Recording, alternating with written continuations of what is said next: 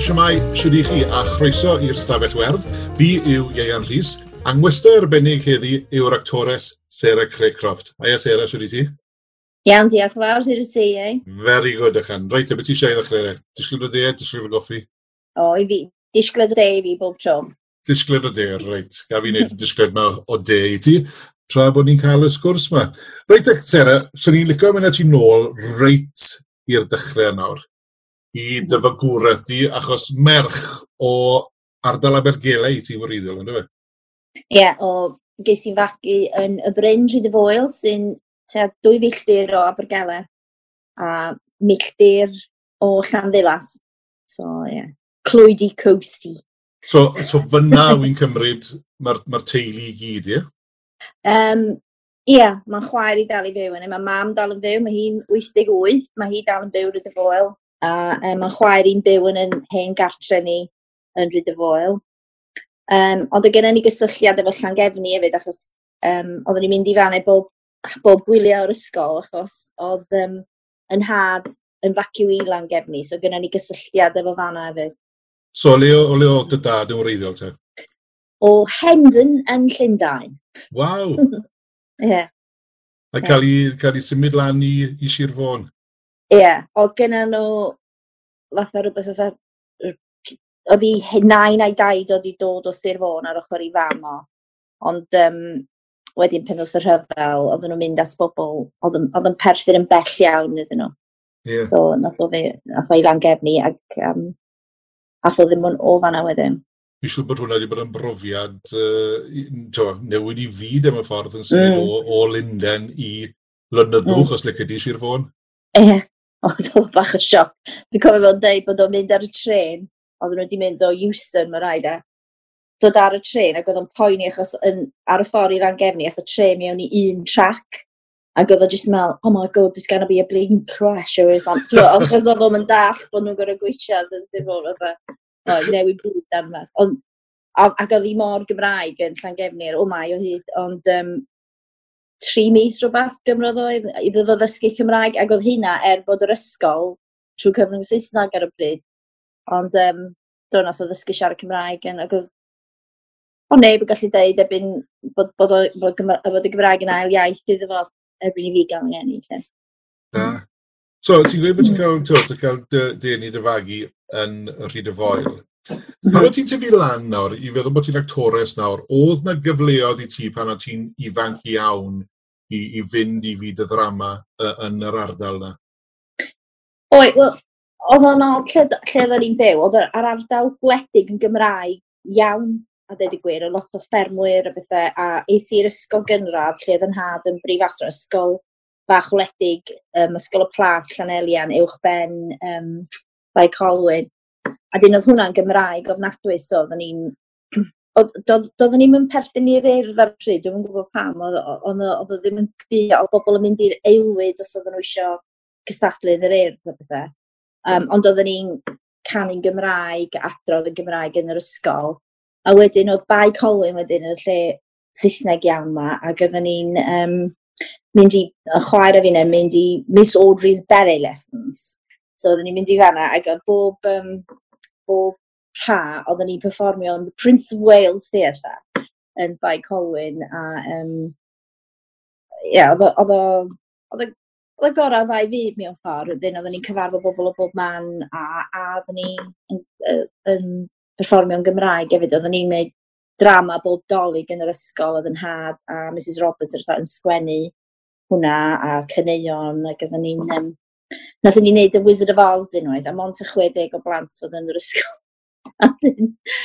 um, ie, oedd o'n Ond bawb yn gorau wneud rhywbeth wedyn, dyna beth oedd dda amdano fo, bawb perfformio yn efo.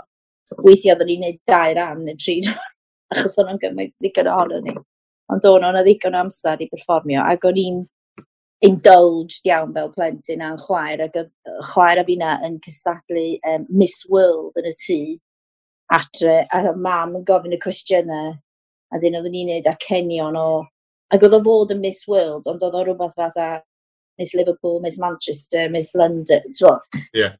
Fel a, dyn oedden ni, lot o bethau fel a'n digwydd, a o'n i'n dynwared dad, dwi'n cofio dynwared dad yn rysgol, fel oedd yn siarad yn rysgol, a fel oedd o adre lle wahanol. Ie. yeah. yeah. So fyna ddechreuodd, fyna ddechreuodd y diddordeb wedyn ni, achos mae lot o actorion yn gwybod pryd gath yr hedyn i blannu. Um, mm. A maen nhw'n gallu edrych nôl ar ei bywydau a gweud, o oh, ie, yeah, o'n i'n gwybod yr oedran yna taw, mm. na beth o'n i eisiau gwneud y mywyd i. A'i, prynu ddigwyddodd y gyd? Ie, yeah, dwi'n mynd hyn o'r cofio bod amser penodol, dwi'n jyst yn cofio o'n i'n licio perfformio. Dwi'n meddwl bod fi reit unig, achos yn rydw foel, do'n am lot o blant. Um, a neu o gyna fi dychymig cry iawn, wedyn o'n i'n siarad efo'n hun lot, o'n i'n iwsio'r dolls o gyna fi fatha rhyw... o'n i wastad yn byw fel ne, fatha mewn rhyw fath o berfformiad, ac oedd hefyd oedd nain yn byw efo ni, ac oedd hi'n gosod i sy i ymwelwyr fel sawl person yn y gogledd.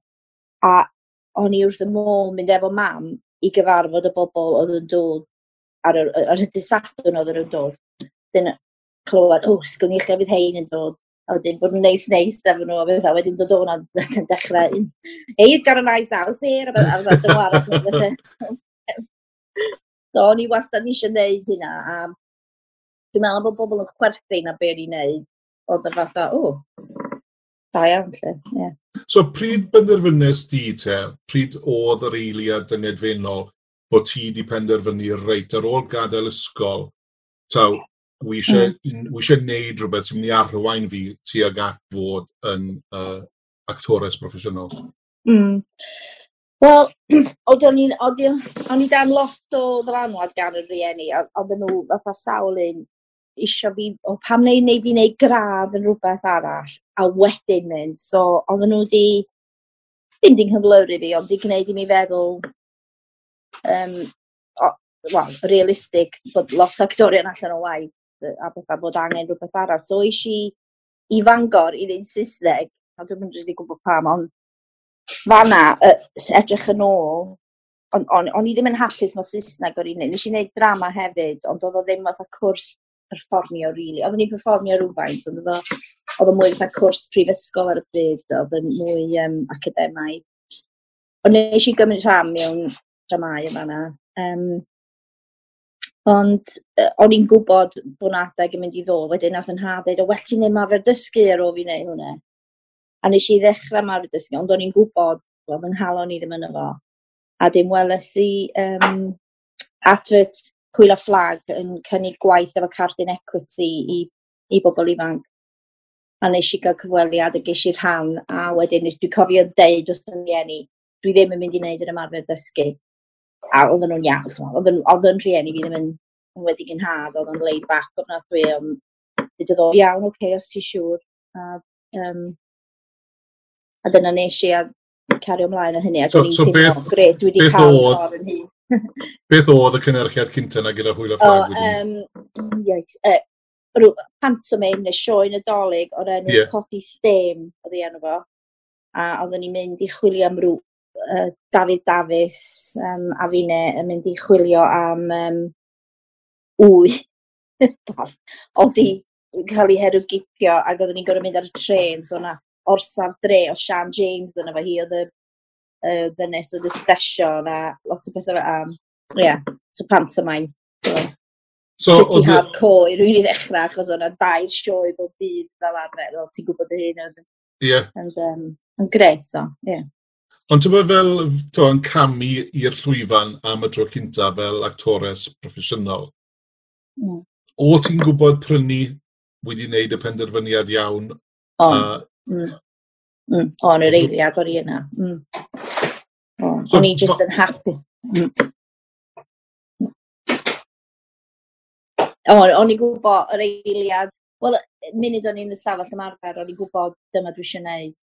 A, um, A wedyn, y cymeradwyaeth hefyd, mae'n rhaid pathetic. Ond bobl, o'n i'n meddwl, mae bobl di talu ddod i weld fi neu hyn a bobl eraill neu hyn. A mae e fatha, o, oh, mae hynna'n amazing, y, y tinglad yna, a bod fi'n neud rhywbeth, bod fi mor lwcus i neud rhywbeth, a bod fi'n cael yn halu i neud o hefyd. Ie, yeah, wy'n credu bod y gymeradwyaeth wastad yn... wy'n cofio unwaith, o'n i'n neud uh, Hamlet, a o'n i'n nervous wreck bob nos cyn mynd mlaen, a ni'n sefyll yn y wings, a ni wastad yn gweithio ni'n an, pam wy'n neud hyn, pam wy'n rhoi ni'n hyn. Ond wedyn ni, ar ôl tair awr o hynner o ddrama, a pan oedd hi'n cymryd y curtain call a clywed yeah. y gymerodwyedd na, o'n i'n sylweddoli pam o'n i'n neud e. Mae'n yeah, mae deimlad od, ydw e? ti ffili egluro i, i bobl sydd, yeah. yeah. a mae rhai chdi fod yn nerfus. Swn i'n dechrau poeni mewn ffordd, swn i'n ddim dipyn bach yn nerfus, yn wedi mynd ar, e, mewn sioe lwyfan. Mae o'n rhoi drwy kind of adrenalin a, a wedyn ti'n cael yr ein dolphins ar y diwedd. Mae fatha, mae rei bobl yn gael efo marfer corff, dwi'n meddwl. Ie. Yeah. Mae'n... Ma, ma, ma, uh, So, am, am faint o ti wedyn i ymwneud y theatr um, cyn bod ti'n cael um, y brec ar y teledu fel bethau? Nes i sioi wedyn dal efo uh, hwyl o fflag, uh, barbecue, wedyn nes i weithio efo Cwmni Theatr Gwynedd, wedyn efo Bara Caws.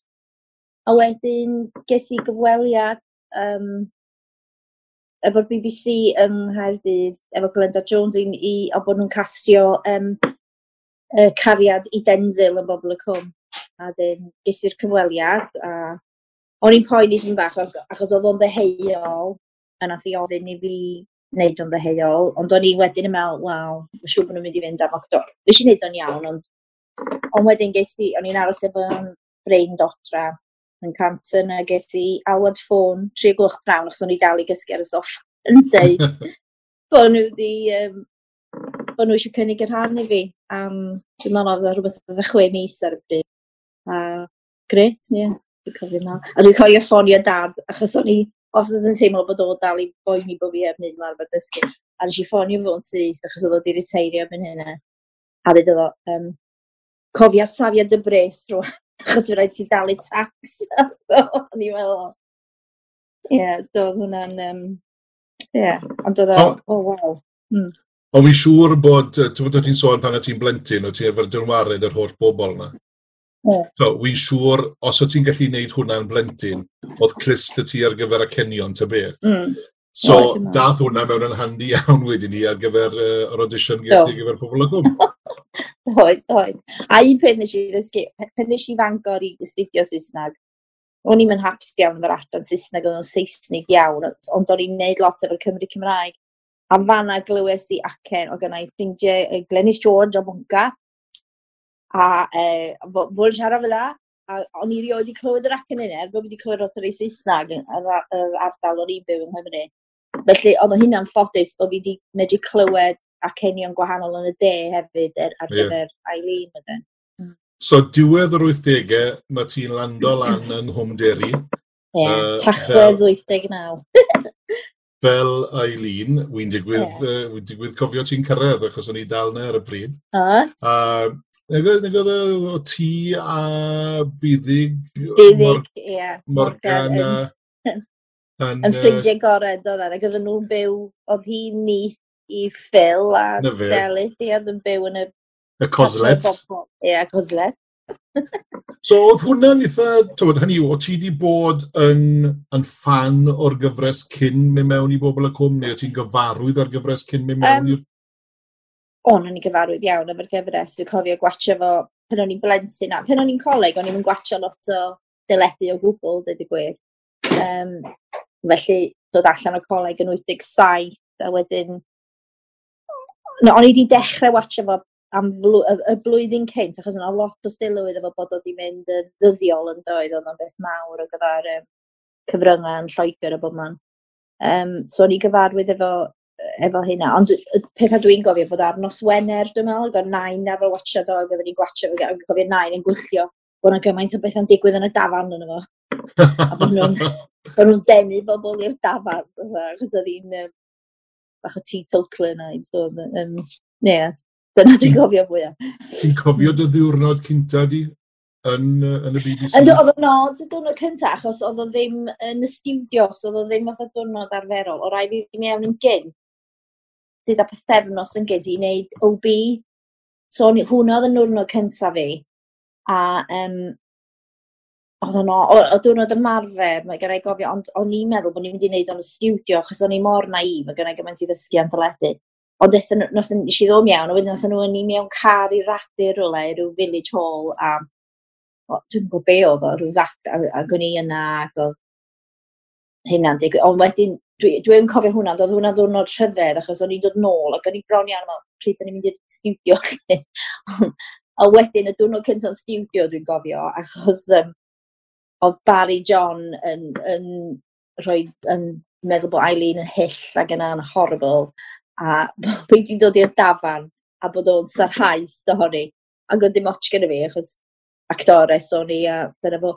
A dwi'n cofio Jim Jones oedd yn golygu sgriptio pan oedden ni'n ymarfer hwnna oedd yn dweud Na, nawr so ni'n gweud hyn amdano ti nawr ni'n gweud hyn am y cymeriad iawn dwi e ddim yn gweud amdano ti. O oh, dim otch gyda fi meddwl fi Ond dwi'n cofio meddwl, o, bechod oedd o'n trio bod yn glen a gofyn bod fi'n mynd i obsetio. Bod o'n dweud, ww, so hi'n ddal iawn, so hi'n bart iawn, neu rhywbeth, um, Barry Jones yn dweud. So, yeah. Ond ar ôl cyfnod wedyn ni yn, yn Pobl y Cwm, nes di benderfynu gadael y gyfres a symud nôl lan i'r gogledd i fyw. Mm -hmm. Mm, do. fi, fi ys ti'n dod lawr o'r gogledd, yn aml wy'n cofio ti dod do. lawr, o ti'n hedfan lawr. oh, no, darling. yes. That's showbiz. That's showbiz. Yr ardal yna o'r gogledd, fel dwi'n deud, oedd chi 20 munud yn cyrraedd Manchester Airport, achos mae Manchester Airport ochr yma i Manchester, i'r ochr Cymru. Ac oedd o'n rhatach i fynd mewn y wyriad, dwi'n cofio. Um, Ie, yeah, oedden ni isio i Lisa, o peth o fi isio i Lisa, wel o'n ni isio i Lisa gael ei magu, lle gys i magu. Um, ar y pryd, oedden ni'n meddwl bod hynna'n beth um, call i wneud. A wedyn, wnaethon ni brynu tŷ a gathen nhw symud i fyny, wedyn o'n i'n teithio lawr, o'n i wedi deud wrth bobl bod fi eisiau gadael, so nes i weithio rhywbeth oedd naw mis, dwi'n meddwl, o i orffan y cytundeb math o beth. A um, ie, o'n i'n hedfan weithiau achos deugain munud oedd yn gymryd a ti'n lle bod pedair awr ar dren. Ond wedyn ni ar ôl symud i'r gogledd, ti'n bod, mm. oedd gwaith ddim yn bryn i ti, achos ges ti, ges ti mm. rhan yn y gyfres amdani yn sydd? Do, o ges i uh, rownd ar rownd ges i gynta. A right. oedd hwnna'n yn ffantastig o job, achos... Diw, o ti fyna mwyth mlynedd, o ti? On, on. Waw, Um, o'n i'n lwcus iawn, ac oedd hwnna'n job ffantastig achos ges es i mlaen i gael, on' pen oedd ni benderfynu mynd i'r gogledd o'n i'n disgwyl yn ail Thomas yn ail blentyn ni. 'Dyn gath o i enni, a wedyn ges i waith am chydig tu Rhys neu rhywbeth, yn Gaerdydd eto ond oedd hwn a wedyn o'n i'n aros efo'n ffrein Beth am bedair noson ac oddon ni'n ffilmio pimp diwrnod yn HTV fel oedd ar y pryd a wedyn a a erbyn hyn o'n i'n meddwl bod o'n mynd rili really anodd so um, es i nôl a nes i ffeindio bod fi'n cael babi arall, a gaethon ni'n mari, a wedyn nes i gychwyn y round a round. A, a wedyn ydych chi brynu teledu wedyn ni? Wel, ie. Ie, dyla, dyla ddim wedi gwneud. Um, Ond ti'n o ti'n mynd, ti mynd o un opera sebon i opera sebon mm. arall. Ti'n di hwnna ddim yn digwydd yn, yn aml, ydy e? Wedi gyda cymeriad mor, mor flaenllaw ag Eileen, Mm. Yn hmm. mynd o bobl y cwm a wedyn yn yn troi lan yn rownd o rownd. Dwi'n mm. gwybod oedd yr acenion yn wahanol wrth gwrs a oedd y cymeriadau mm. Mm-hmm. naturiol yn wahanol. Mm-hmm. Ond mm. sydd oedd hwnna i ti deu ymdopi gyda mewn ffordd yr un fath o fformat, yr un steil felly. mm. ond mm. bod e'n hollol wahanol. Oedd o'n, oedd o'n hollol wahanol. Er mae opera sep o'n oedd o. Ac ar y pryd, oedd rownd a rownd wedi anelu at, at blant um, a blant yn bobl yn ei harddegau. Felly oedd o ddim mor, um, oedd y stori ddim yn drwm fel oedd rei pobl y cwm di bod. Um, ac oedd y golygfeidd yn ddur iawn, oherwydd bod y plant oedd yn rhan fwy o'r golygfeidd, felly oedd nhw'n oedd nhw'n cael gweithio'r plant yn hirach na pedair awr a bethau. So oedd o'n gwbl wahanol, ac hefyd oedd o'n single camera, cyn hynny o pobl y gwm wedi bod multicam. So oedd o'n single cam. Um, so oedd o'n cymryd mwy o amser, ond oedd y golygfeidd yn llai, oedd o mwy um, hamddenol na be oedd pobl y gwm byd, um, mewn reithir.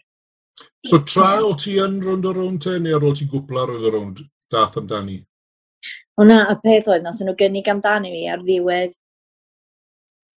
gyfres gyntaf rownd o rownd, nath nhw ddeud bod nhw'n gwneud amdani a cynnig rhan um, beryl i mi yn hwnna. A wedyn oedd rownd a rownd bod yn hamddenol iawn, achos o'n i'n gweithio dau ddwrnod, tri ddwrnod yr wythnos, ond ddim ym ymarferion chwaith yn rownd a rownd, so oeddwn i'n gorfod mynd i ymarfer. Um, a oedd hi'n gallu mynd yn llythre, mynd a mapu fi efo fi, bwydo ma, ma, Mario i fod ron, o mam yn dod efo fi, ac oeddwn i'n gallu neud hynna. Ond oedd amdani'n hollol wahanol, hwnna y pegwn arall wedyn ac edrych yn ôl, dwi'n yn gwybod os dylwn ni wedi wneud achos o gen i dri o glab bach ac oedd hi'n ham nhw'n mynd allan i, o'n i dal i fwyd o mari a, i chwarae rygbi efo genod o leia deg mlynedd yn fengach na fi a genod regaled oedd yn Oedden ni chwarae yn Bethesda, ac oedd bobl Bethesda, mae rai fi ddweud yn ffantastig, a'r genod oedden ni chwarae efo nhw, um, oedd ar yn ochr ni yn, yn yma'n briliant, ac oedden nhw'n edrych ar yn hola ni, chos weithiau oedd y tîm eraill yn gallu bod frwnt jyst am bod ni yn actorion lle'n gwybod ni am bod ni. Ac o'n i'n effernol efo'r rygbi, o'n i'n ddialedig, o'n i'n gysau chwarae fo. O'n i'n jyst yn y medru. O ti erioed i chwarae rygbi o'r blaen? Na. O diddordeb y ti? O diddordeb y ti? Wel, o'n i'n gwachio Cymru chwarae yn y cwbl. Ie. A gobeithio bod Cymru'n ennill. A da, dwi dawr i'r peth, ond fel gêm na, o gynnau ddim... Ych, bob tro o'n i'n gafel yn y bel, o'n i jyst yn llichur a gom ni rwy'n dod ato fi, o'n i jyst gynnau ddim, na, o'n i'n licio fe gwbl. Ond na fo, nes ni chwech cyfres o'n fo. Do, do. Ond oedd o'n anodd, achos oedd yn heili fi, oedd yn plant i'n ifanc. Ac o'n i, pen o'n i'n nghedydd yn ei pobl o pethau mwy hamddenol, oedden ni'n gallu mae un plentyn o, o gennau o Lisa a... Oedden ni'n cael bywyd cymdeithasol, oedden ni'n gallu mynd allan. O'n i'n ffeindio fo'n anodd iawn, oedd, o pethau mwy um, clici yn y gogledd, mae'n rhaid i ddweud. Yeah. A, um, dyn ni'n pethau, do'n i'n hapus. A hefyd, o'n i'n dod o glwyd, do'n i'n dod o Wynedd. Right. Er bod gyda'i gysylltiad efo Llangefni, ac o'n i'n ffeindio'r... Um, o'n i'n mwynhau bod yn Bethesda pan o'n i'n ffilmio fan ac oedd y pobl lleol o Bethesda yn ffantastig yn Chris Algar.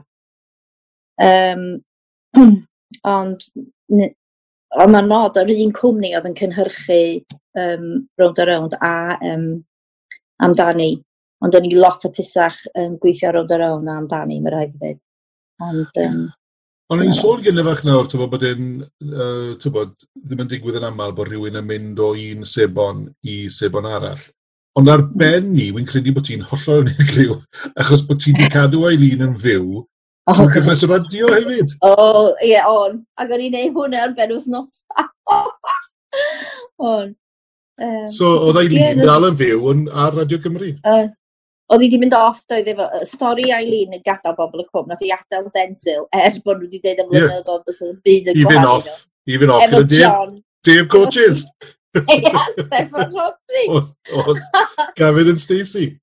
Ie, yeah, a um, oh, yes, ia, dwi'n gwybod, ia. A wedyn oedden ni um, um, cymeriad staff, John a fi, byw yn, yn y pensiwn nesaf, o byw o? A wedyn ar ôl i fi adael Eileen y gyfres radio, nath nhw alw fo... Rhydeglwys, ie? Rhydeglwys, ie. Oedd John a fi byw yn rhydeglwys i fod. Ond wedyn nath o'n hollol ddrwg yn y, yn y gyfres a um, mynd i'r carchan neu rhywbeth. A dwi'n cofio Sian Naomi a fi, o Sian yn actio rhan yn efo, ac oedden ni'n gorau actio bod ni, fi wedi cael llythyr bod um, John di lladdu hyn yn y carchar. A dwi'n gwybod pam, oedden ni'n methu stopio chwerthu'n yn wneud o, achos oedd e jyst mor bizar. A um, welodd Sian Steph wsnosa wedyn, a deitha fo, bod o'n bosera fi neu golygfa, oedden ni'n methu stopio chwerthu'n. Golyg, golyg am beth nawr? oh, bod ti di lladd ein yn y carchar. A nhw ddim yn gwybod. Ac yn dweud, oh, dwi'n iel, fel hwn. Ond oedd hwnna'n fyd. Oedd hwnna'n laff, actually, achos mae radio lot llai o pressure dydi efo... Ti'n gwybod dysgu leins a... O, o ffil yn efo hefyd, o ffil yn amdani efo fi hefyd. Diolch i drem bod ffil yn amdani efo fi, cadw fi'n gall yma fanna. Um, Ond uh, ie, oedd lot o hwyl. Ond eis i, o'n i'n gweithio o'r i galed, a eis i sal o gennau broblem um, meddygol, a rhaid i gael llawdriniaeth, so felly nes i ddeitha nhw um, bod fi ddim eisiau cario ymlaen, achos o'n i'n neud amdani a roedd yr rownd. A wedyn ar ben wythnosa o'n i'n recordio hwnna, o'n i jyst yn meddwl bydde fo'n well i fi fynd, achos um, o'n i ddim yn neud gormod. A um, nath nhw ffonio fi nôl a dweud, oce, okay, da ni'n mynd i laf Eileen, medden nhw. A wedyn, o, oh, oh, oce, okay, wel, na fo, na fo, fain. Um, ond wedyn, ges i'r alwf yn dweud, na, da ni methu lladd Eileen, achos mae'r pobl y cwm yng Nghaerdydd um, yn poeni bydd o'n effeithio ar gymeriad Denzil a Sioned o dal yn, yn bobl y cwm. So, yeah, yeah. diolch i'r drefn, un byd i wneud efo fi, nath nhw ddim lladd Eileen, neu allas oedd i fod yn anodd anoddach i Eileen ddod nôl i bobl y cwm, dwi'n gwybod. Felly, um, so, pryd, pryd gest i'r pryd gest i'r alwad wedyn i, i fynd nôl i, i bobl y cwm? Um, Wel, oedden nhw wedi deud fi'n rownd yr on, wedi cael 8 mlynedd hapus iawn, oedd amdani wedi dod i ben ar ôl chwech cyfres. Um, a wedyn ddydyn nhw um, bod nhw... Bod, y peth ydy'n rownd yr on, os oedd gen ti blant yn efo, plant oedd yn bwysig ar y, y cymeriadau yna, a dyn oedd y plant yng nghymeriad i a Merfyn Pius Jones, oedden ni, nhw wedi gadael, gadael y gyfres, oedden ni'n gwybod bod ni'n mynd, nhw'n siwt mwy na thebyg. A wedyn, um, o'n i wedi deud, o'n i wedi sgwennu i, i sgwennu ddim rwy'n yn bobl o com, um, o Dafydd, Dafydd, Abigail i boi Dafydd, Um, Llywelyn. Ie, uh, ie, Dafydd Llywelyn, a nes i ddeud, o, dwi'n gadair, os, os oes unrhyw siawns i Eileen ddod nôl, rho siawt, o. glywes i ddim byd am te a misodd, dwi'n meddwl, o'n i'n gweithio yn theatr, dwi'n meddwl, o'n i'n gweithio yn y nôl, theatr na nôl. A geis i awar ffôn yn Tranning Hedydd yn dweud bod nhw eisiau Eileen ddod yn ôl yn ei floc o fatha bod Eileen yn dod yn ôl a bod fi ia, dyna, a dyna sut oedd hi'n ôl, ond oedd o mond am gyfnod fatha bloc, a wedyn, um, uh, ia, dwi'n meddwl ges i gap wedyn, a wedyn nath nhw ofyn i fi ddod nôl wedyn, a wedyn um, pen, ia, oedd y nyr yna, oedd fel cynhyrchydd, a dyn oedd o'n dweud, wel, ia, gan i, gan i chdi am dri mis rwan, dri mis wedyn, so fel o'n i wedi gymryd o fel, fel just weithio ni yn efo, weithio ni ddim. Oedd yn deimlad, oedd yn deimlad rhyfedd i, i fynd nôl ar ôl gyda'r amser mas? Oedd. Oedd oedd yn rhyfedd. Oedd, o'n i lwcus bod Gareth Lewis a Gwyn Elfyn yn yna, wrth gwrs, achos nhw oedd yn ffrindiau fi, ac oedd nhw yna. Ond oedd y, ffordd oedd y rhaglen gweithio'n holl wahanol, wrth gwrs, ac oedd si cofio fel oedden ni'n neud un penod am bob dydd yn doddan, ac yna rhywbeth mm. theatrig am hynna ti'n meddwl fatha, o oh, ie. Yeah. A bawb yn jo jocio dal o, oh, fyrra'n i fynd live o bethau, er, fas ni i byth di medru mynd yn live, ond dwi'n cofio wneud golygfa efo gwyn, so 20 munud i chwech o bethau, ac oedd y rhaglen yn mynd allan am saith, neu rhywbeth, dwi'n cofio. Ond um, oedd hwnna gyd i mynd, ac oedd o jyst fatha unrhyw rhaglen arall digwydd, oedd lot o rag recordio allan o drefn a bethau, ond oedd o jyst fatha rhywbeth arall. Um, ond oedd o'n wahanol, Ac o'n i'n hun wrth gwrs. Um, ond, um, e, o'n i'n lwcus iawn o gynna fi ffrindiau yna anyway, beth nhw, nhw'n wneud o'n hawdd iawn y fydd hmm. yn ôl. O, oh, reit. Ond mm. ti bod nôl yna ers, ers cyfnod, a wrth gwrs, wy'n gwybod dros y cyfnod diweddar yma, gyda'r gyda, Covid-19 uh, mm. yma, hmm. chi wedi bod off, um, a ni jyst wedi bod yn gweld uh, y gyfres dwywaith yr wythnos yn lle pimp. Um, mm wi, wi ar ddeall bod lot o sebonau yn, yn mynd nôl cyn bod hir, a so wi, mm. bydd hwnna'n ddiddorol, wy'n siŵr. Mm. Bydd, um, ie, dos am dyddiau penodol, di bod, ond mae disgwyl i ni fynd yn ôl, dwi'n meddwl, um, a hefyd bydd rhaid ni weithio efo canllawiau'r llywodraeth, a llywodraeth yng Nghymru wrth gwrs, felly a falle fyddwn ni'n wahanol yng Nghymru, chos hyd yn hyn, da ni wedi bod lot mwy gyfalus, dwi'n meddwl, yng Nghymru na, na um, Lloegr Yeah. Felly, um, yeah, just aros i weld a sut bydd o'n gweithio a, a so, ar wahân.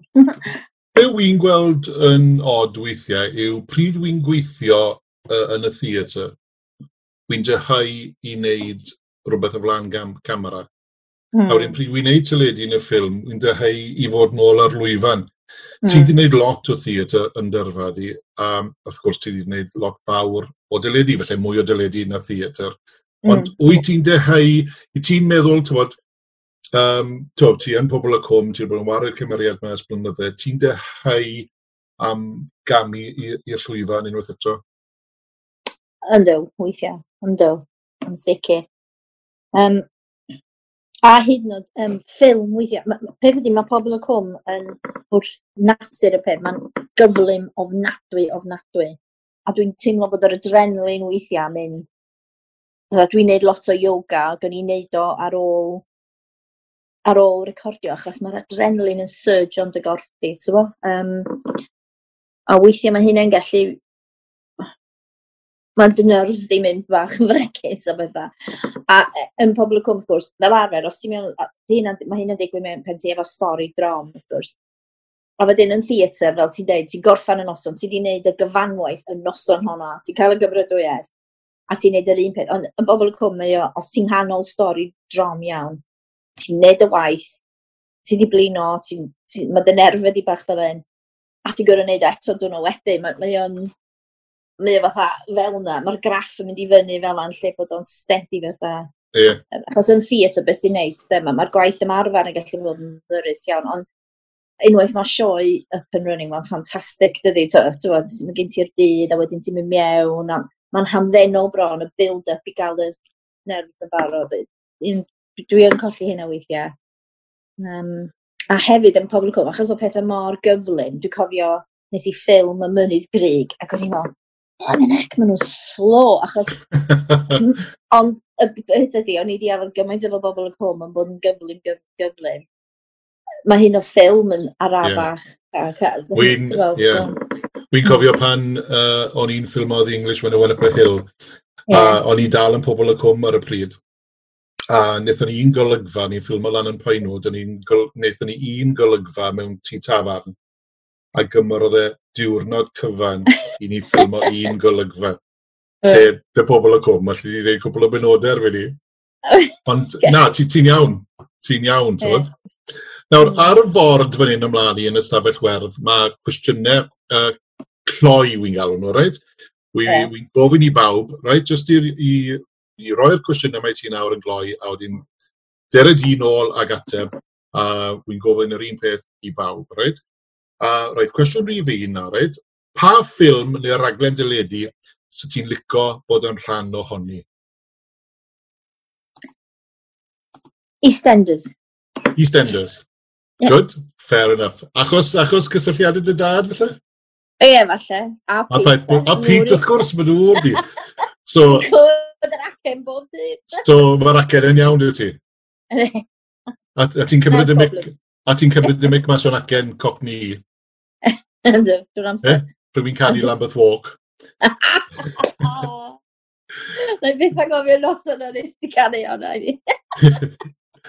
Rhyw noson ar ôl i hwn fod drosodd nawr, felly na gael i fy toi ti rhywbryd. Ie. Reit, cwestiwn 2. Pa actor, unrhyw actor, reit, pa actor sy ti'n licio gweithio dy? Rhys Ifans, eto. Dwi wedi gweithio efo pan o'n i'n ifanc nawr yn theatr ieuenctid clwyd. Ond sy'n rili gweld sydd wedi dysgu rhywbeth. Reit, cwestiwn nesaf. Tasa ti'n cael byw yn rwle on i bai ym Gymru, ble fysa ti'n byw? Um, rwle fel lot o hael, de Ffrainc, neu Sbaen. Yeah. Yeah. O, oh, braf. Lle ddod mm. ti? Ie. Uh, rif pedwar, cwestiwn rif pedwar. Nawr, wy'n mynd â ti mas am fwyd, Sarah, reit?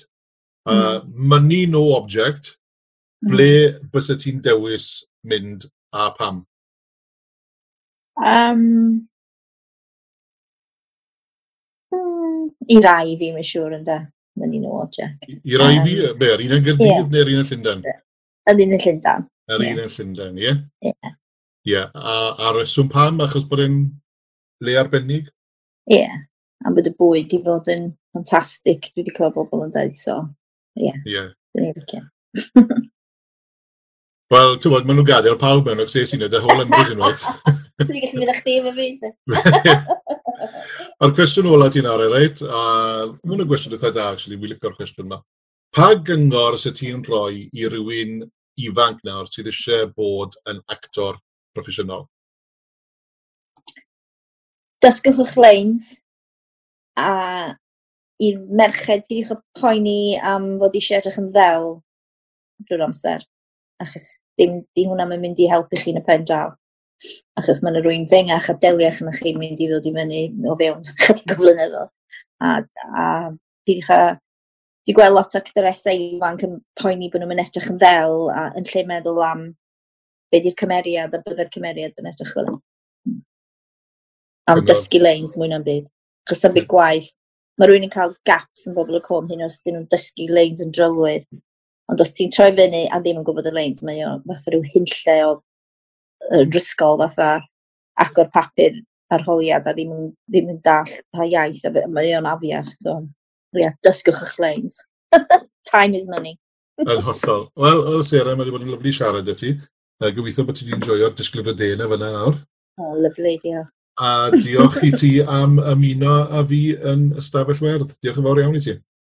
Croeso, diolch yn fawr iawn i ti, Iau.